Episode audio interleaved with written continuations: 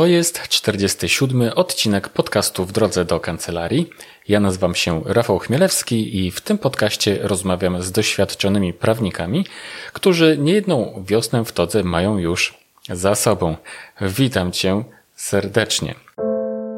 Dzisiaj jest 31 grudnia 2019 roku. Jutro już zmieni się data w naszych kalendarzach. Jest to zatem idealny czas na podsumowania, a także na robienie noworocznych planów. Czy ty takie plany robisz? Ja tak. Jeśli nie robisz, to gorąco cię do tego zachęcam, nawet kiedy planowanie nie leży w twojej naturze. W sekrecie powiem Ci, że w mojej także nie leży. Znaczy, jeśli w Twojej nie leży, to w mojej także. E, ale plany na następny rok e, zawsze robię.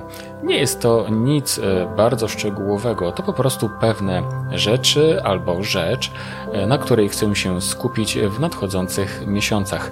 Pomaga mi to w koncentracji, a także w byciu wystarczająco asertywnym. Zachęcam Cię do robienia planu.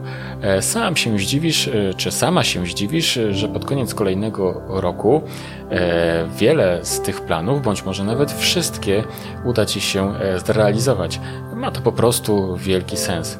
Koniecznie zapisz, zapisz wszystko na kartce i koniecznie zapisz jedną, dwie czy trzy rzeczy. E, nie za dużo, lepiej bowiem zrobić jedną rzecz na 100% niż 10 rzeczy na 10% czy nawet jeszcze mniej. Kończący się właśnie rok był dla mnie osobiście bardzo dobry. Pod względem zawodowym udało mi się założyć i zainicjować działalność naszej fundacji. Fundacja Weblex, o której może już słyszałaś czy słyszałeś, wspiera prawnicze rodziny w trudnej e, sytuacji, takie jak choroba, wypadek itd. Tak Fundacja łączy prawników, którzy chcą i mogą pomóc z tymi, którzy tej pomocy potrzebują. Fundację znajdziesz w prosty sposób e, za pomocą e, jakiejkolwiek wyszukiwarki. I oczywiście zachęcam Cię gorąco do wsparcia naszego celu statutowego.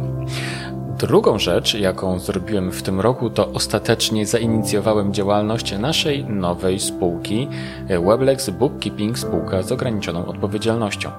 E, nasza nowa spółka to najwygodniejsza księgowość dla początkujących kancelarii prawnych. Dlaczego najwygodniejsza? Ponieważ e, nie tylko nie musisz się ruszać z kancelarii, żeby dostarczyć swoje dokumenty księgowej, nie tylko w 3 sekundy dostaniesz pomoc w zakresie tego, jak zafakturować to czy owo, ale uwaga, zapłacisz za to jedynie 1 zł netto miesięcznie przez pierwszy rok naszej współpracy i otrzymasz także dostęp do bazy prawniczej e, wiedzy biznesowej, do szkoleń, e, do konferencji, które którą to bazę i wiedzę e, zgromadziliśmy w ciągu 10 lat istnienia Weblex.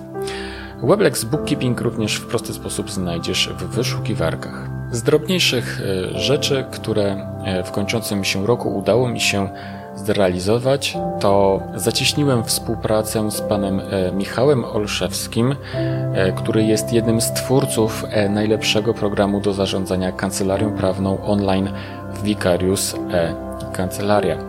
E, jeśli nie wybrałeś jeszcze, czy nie wybrałaś jeszcze żadnego systemu do zarządzania kancelarią prawną, a myślisz o tym, to e, możesz zainteresować się właśnie Vicariusem.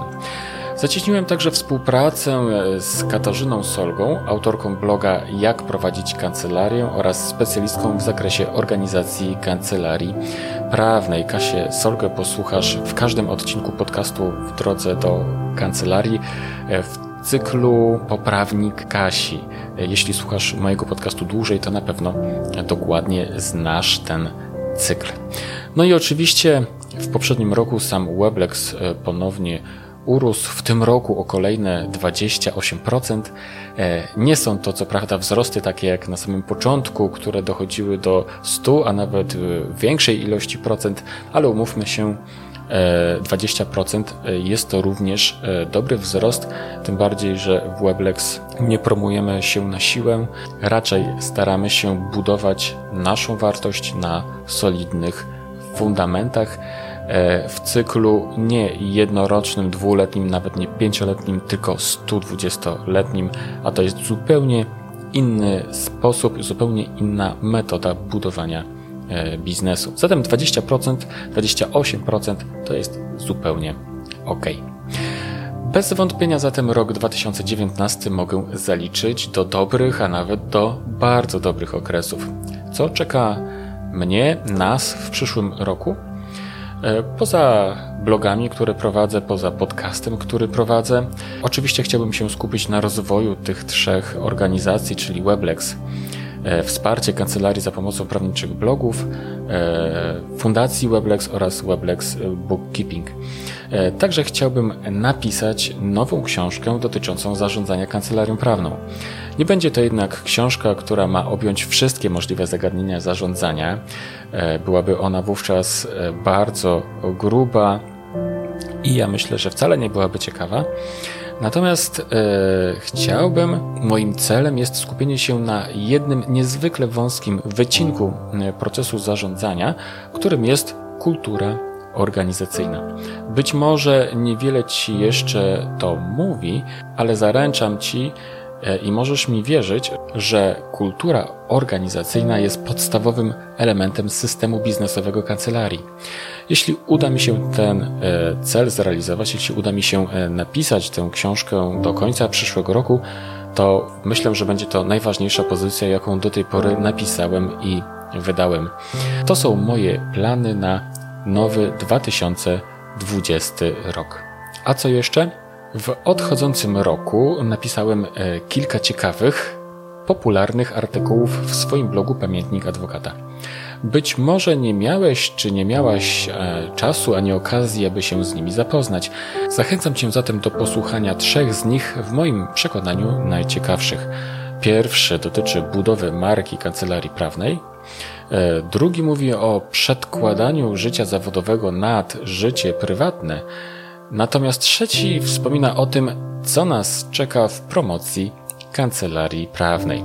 Zapraszam Cię zatem serdecznie do e, posłuchania. Dodam tylko jak zawsze, że podcast w drodze do kancelarii jest jak zawsze z radością wspierany przez słoneczny Weblex i te wszystkie nasze Weblexowe e, organizacje. E, na koniec tego roku chciałbym Ci złożyć najserdeczniejsze życzenia pomyślności, sukcesów, zdrowia przede wszystkim, mnóstwa energii na następny rok i pamiętaj o tym, że życie nie tylko składa się z pracy zawodowej, jest też życie prywatne, jest też e, odpoczynek, jest też sen, jest też ruch, jest też dobre jedzenie i tego wszystkiego na całe następne 12 miesięcy Ci gorąco życzę.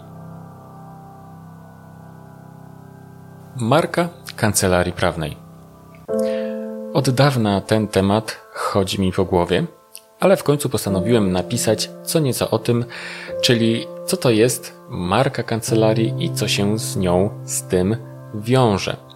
A przyczynkiem, albo lepiej motywatorem do napisania tego artykułu było ostatnie wystąpienie Garego Wajnerczuka w Polsce i jego słowa na temat marki. Mówił on bowiem mniej więcej tak. Co na sobie teraz macie? Jakich marek ubrania nosicie? I dlaczego akurat te, a nie inne? Zastanawialiście się nad tym kiedyś? Moi drodzy, kiedy macie silną markę, sprzedaż nie jest wyzwaniem, jest super łatwa. Kiedy macie silną markę, sprzedaż jest nudna. Tyle Gary Wajnerczuk. Jego przesłanie brzmiało tak: budujcie marki, skupiajcie się na budowie swojej własnej marki. No więc, co z tą marką? Jakie można z tych rozważań wyciągnąć wnioski dla siebie i dla swojej kancelarii? Jest zapewne wiele definicji pojęcia marka. Na przykład w Wikipedii możesz przeczytać m.in. marka, inaczej znak fabryczny, znak firmowy, znak określający producenta, nazwa lub symbol graficzny, znak towarowy umieszczany na wyrobach w celu ochrony przed naśladownictwem lub podrabianiem, podszywaniem się, podpisywaniem sobie autorstwa. E, spec od budowania marki Paweł Tkaczyk mówi natomiast w jednym ze swoich artykułów tak. Czym zatem jest marka? Przy jej definiowaniu i potem budowaniu możemy posłużyć się definicjami zaproponowanymi przez Davida Akera. Według niego marka to produkt lub usługa, organizacja, osoba i symbol. Te cztery składniki stanowią swego rodzaju fundament, który, odpowiednio obudowany, pozwoli nam stworzyć silną i rozpoznawalną markę. Tyle Paweł Tkaczyk. Ja jednak mam lekką awersję do formalizmów i zwykle tworzę swoje własne teorie. I dla mnie marką jest stosunek psychiczny do produktu czy usługi. Innymi słowy mówiąc, lubienie, obojętność, nielubienie i wszelakie odcienie tych emocji, a w tym także zaufanie. Przykład? Ten artykuł piszę na komputerze marki Apple. Dlaczego kupuję Apple? Odpowiedź: bo lubię, bo mam zaufanie do jakości.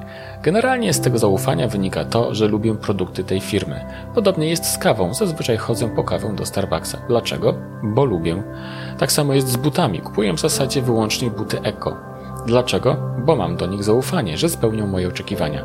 A zatem lubię te produkty. Dałbym sobie głowę uciąć, że ty także masz jakieś swoje ulubione rzeczy, produkty czy co tam jeszcze. Czasem wiesz, dlaczego je lubisz, a czasem nie wiesz po prostu. To normalne i całkowicie ludzkie. W moim przekonaniu o sile marki świadczy to, ile osób i jak bardzo lubi produkt, usługę czy producenta lub usługodawcę.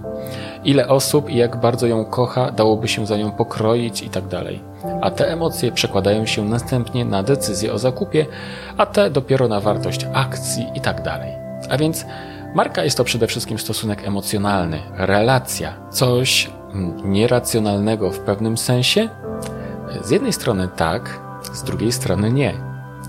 Czy marka kancelarii prawnej to dokładnie to samo? W moim najgłębszym przekonaniu tak. Z jednym zastrzeżeniem. Nie ma tutaj mowy o marce produktu czy usługi, a wyłącznie o marce prawnika czy poszczególnych prawników. A więc marka ma w naszym przypadku bardziej osobisty, ludzki charakter, jest bardziej hmm, humanistyczna, Oczywiście z czasem dochodzi do zbudowania wartości marki w postaci znaku graficznego, ale drogą do tego jest przede wszystkim dobra marka prawnika czy dobra marka zespołu, czyli właściwy stosunek emocjonalny między nimi a klientem, a zatem dobra, świetna relacja między nimi. Jak zatem zbudować markę kancelarii? Dokładnie tak samo jak buduje się relację. Pisałem o tym nie tak dawno w jednym z poprzednich e, artykułów e, w blogu Pamiętnik Adwokata, a także dużo e, w samej książce o tytule Pamiętnik Adwokata.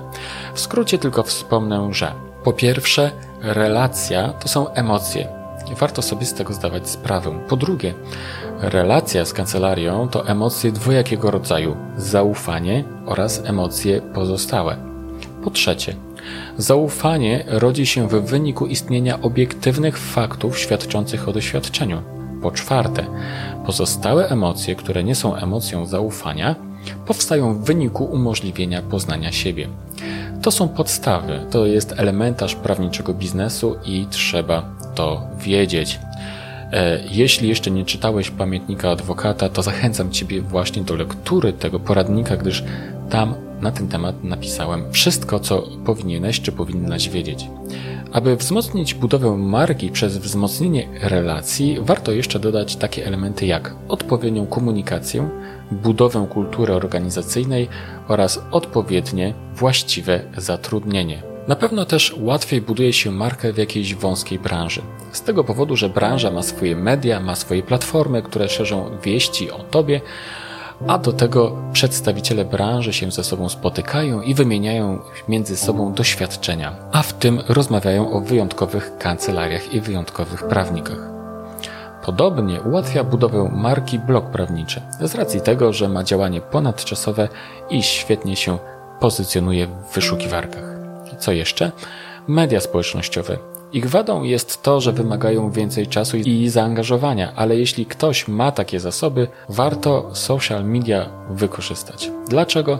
Ponieważ umożliwiają one z jednej strony budowę relacji, wspomnianych wyżej pozostałych emocji, a z drugiej umożliwiają komunikację z klientem, co także ma wpływ na owe wspomniane emocje. Kiedy poznasz, że masz dobrą markę? Wtedy, kiedy Twoi klienci będą Cię polecać, a kandydaci do pracy będą chcieli u Ciebie pracować. Będą chcieli pracować tylko z Tobą. Idąc zatem za słowami Garego Wajnerczuka, kiedy masz silną markę, sprzedaż nie jest wyzwaniem, jest super łatwa. Kiedy masz silną markę, sprzedaż jest nudna. I tego z całego serca Ci życzę. Czy to źle, że życie prywatne przedkładam nad życie zawodowe? Po moim ostatnim artykule, będącym zaproszeniem na seminarium Weblex Lab na temat zatrudniania pracowników do kancelarii prawnej, na moim facebookowym profilu dwóch szanownych panów napisało komentarze o takiej treści. Pan Bartłomiej, mnie też bardziej obchodzi życie prywatne niż zawodowe. Natomiast pan Jan napisał, to, że kogoś bardziej obchodzi życie prywatne niż zawodowe, to czy to jest źle? Ich wypowiedzi były polemiką z moimi słowami, że to źle, kiedy pracownika bardziej obchodzi życie prywatne niż zawodowe. Jeszcze raz powtórzę, napisałem w poprzednim artykule, że to źle, kiedy pracownika bardziej obchodzi życie prywatne niż zawodowe. I to spowodowało chęć wyrażenia swoich opinii obu panów. No więc, jak to jest? E, czy to źle, że życie prywatne przedkładam nad życie zawodowe, a może powinienem życie zawodowe przedkładać nad życie prywatne? Warto się nad tym zastanowić. Zatem, czy pracownika powinno bardziej obchodzić życie prywatne niż zawodowe, czy może odwrotnie? Dla wielu na pewno odpowiedź będzie jasna i klarowna. Nic się tak nie liczy jak życie prywatne.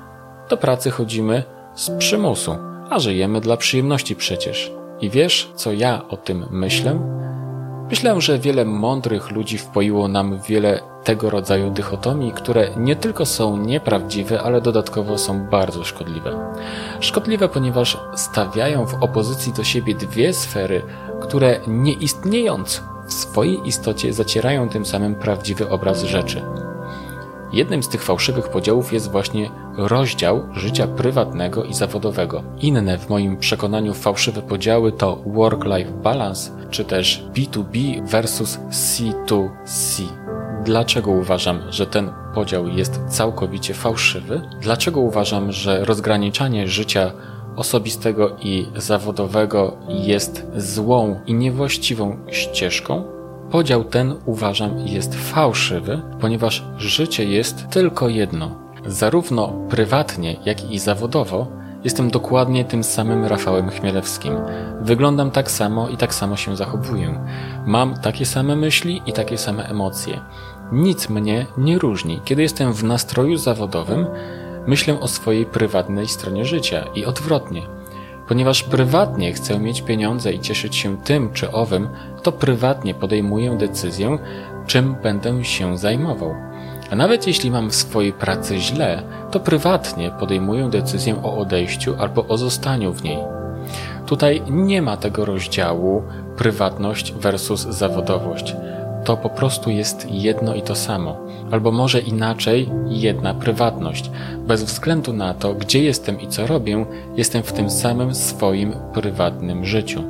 Dla mnie ten podział jest szkodliwy dlatego, że stawia fałszywą alternatywę. Że prywatność to co innego niż wykonywanie zawodu. Praca zawsze jest zła, ale za to mogę odpocząć po pracy. Mam work-life balance. A jeśli praca wkracza w moje życie prywatne, to jest patologia i trzeba z tym coś zrobić. Na pierwszy rzut oka to ma sens, ale właśnie kiedy zagłębisz się w przemyślenia na ten temat, to okazuje się to reliktem minionej epoki. Dlaczego? Wyobraź sobie sytuację, w której tak bardzo kochasz to, co robisz zawodowo, że nie wyobrażasz sobie bez tego życia. Spędzasz w pracy długie godziny, a poświęcając się jej masz jeszcze więcej energii do działania. Ktoś z zewnątrz powie pracocholik, a ty powiesz mam równowagę w swoim życiu. Równowaga w życiu, tak zwany work-life balance, to nie jest odpoczywanie po pracy. To życie z pasją bez względu na to, co robisz i gdzie jesteś. Pracując można tak samo realizować się w życiu, co wówczas, kiedy jesteś po pracy. A przedkładanie życia prywatnego nad zawodowe oznacza, że nie masz równowagi w swoim życiu i że dużą część pracy spędzasz na robieniu czegoś, co cię ostatecznie nie interesuje albo nie interesuje Cię dostatecznie, albo Cię nawet po prostu zwyczajnie nie obchodzi. Dlaczego jednak większość ludzi chodzi do pracy, aby z niej jak najszybciej wyjść? Z wielu powodów. Robią to, czego nie lubią, nie kochają, co ich w ogóle nie interesuje, bo tak kazali im rodzice, bo takie były społeczne oczekiwania, bo tak im się po prostu ułożyło, bo pracodawca nie zadbał o ich motywację do pracy. I na pewno można by wymyślić jeszcze wiele dodatkowych powodów. A co ja odpowiedziałem obu panom? Oto co. Panowie, a czy życie zawodowe nie może być traktowane na równi z życiem prywatnym? Albo czy nie uważacie, że podział życia na zawodowe i prywatne jest fałszywą alternatywą? Do przemyślenia. Zatem do przemyślenia. Marketing prawniczy się zmienia, co nas czeka. Marketing prawniczy podlega ciągłej zmianie, a może raczej przemianie. Co nas zatem czeka w najbliższej przyszłości? Nie wiem, czy pamiętasz mój pierwszy post w moim starym blogu prawniczym e-marketingowym, zamieszczony w grudniu, o matko 2009 roku. Właśnie stuknęło 10 lat. Artykuł nosił tytuł Jak internet zmienił biznes. W tamtym momencie e-marketing prawniczy właściwie nie istniał, Poza stronami internetowymi, zresztą bardzo średniej jakości, było może kilka prawniczych blogów, w tym mój podwójne opodatkowanie.pl. Wtedy też powstał Weblex, który miał promować kulturę promocji kancelarii za pomocą prawniczego bloga. Jednak zanim Weblex zaczął się rozwijać i zanim zaczęły powstawać kolejne prawnicze blogi, minęło kilkanaście dobrych miesięcy. To był czas, kiedy jednak nie było jeszcze Twittera, nie było Facebooka, nie było Instagrama, Snapchata, LinkedIn czy Golden Line. Zatem wybór narzędzi był dość skromny. Strona www, blog, forum, no i oczywiście AdWords i sztuczne pozycjonowanie. Przekonać właściciela kancelarii prawnej do poprowadzenia bloga było niezwykle ciężko. Ale nie było to niemożliwe. Prawnicy z szerokimi horyzontami, tacy jak Katarzyna Przyborowska, Agnieszka Swaczyna, Kalina Jarosławska, Karol Sienkiewicz, Błażej Sażalski, nasi pierwsi autorzy, już wtedy przeczuwali kierunek zmian w zakresie prawniczej promocji i zakładali z nami pierwsze wybitne prawnicze blogi, które zresztą funkcjonują do dzisiaj. W końcu jednak pojawiły się te tradycyjne, dziś dobrze znane portale społecznościowe. Jednak jak myślisz, co myśleli prawnicy, kiedy słyszeli w roku 2013, że mogą promować kancelarię na Facebooku? Odpowiedź znasz. Jednak powoli wszyscy zaczęli się przekonywać do nowych form promocji. Bez wątpienia zmianę przyniosły nowe, młode zastępy adwokatów i radców prawnych, którzy naturalnie przenieśli styl życia prywatnego do e, zawodowego. A jaki stan marketingu prawniczego mamy dzisiaj? W szczegółach posłuchasz o tym e, w podcaście, w tym, który właśnie słuchasz w drodze do kancelarii. Natomiast można powiedzieć śmiało, że dzisiaj wszelkich form promocji jest tak wiele, że bez trudu można stracić orientację. Na samym Facebooku oprócz fanpage'a kancelarii możesz prowadzić grupę, możesz pokazywać fotki ze swojego zawodowego życia, możesz umieszczać relacje, robić webinary, możesz także gromadzić adresy e-mail, możesz także płatnie promować swoją kancelarię, szkolenia itd. A to jest tylko portal pana Zuckerberga. Do tego jest jeszcze Twitter, Instagram, YouTube, LinkedIn, Golden Line, podcasty, a i to nie wszystko, bo nie wspomniałem o blogach czy artykułach na wszelkich portalach. Można dostać zawrotu głowy, czyż nie? Absolutnie tak. Ja doznaję go regularnie. Jeśli popatrzysz na wszystko, co robi Twoja konkurencja, to można się poczuć zagubionym. Nie jest to sytuacja wesoła. Kiedyś było łatwiej. Po prostu.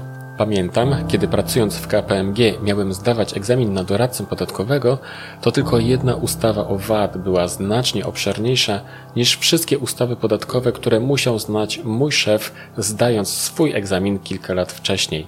Takie są czasy. Wydaje się, że dzisiaj jedyną niezmienną jest zmiana. A co jeszcze? Skoro tyle kancelarii, tyle firm zaczyna wykorzystywać te wszystkie możliwości, to zwyczajnie stają się one bardzo drogi.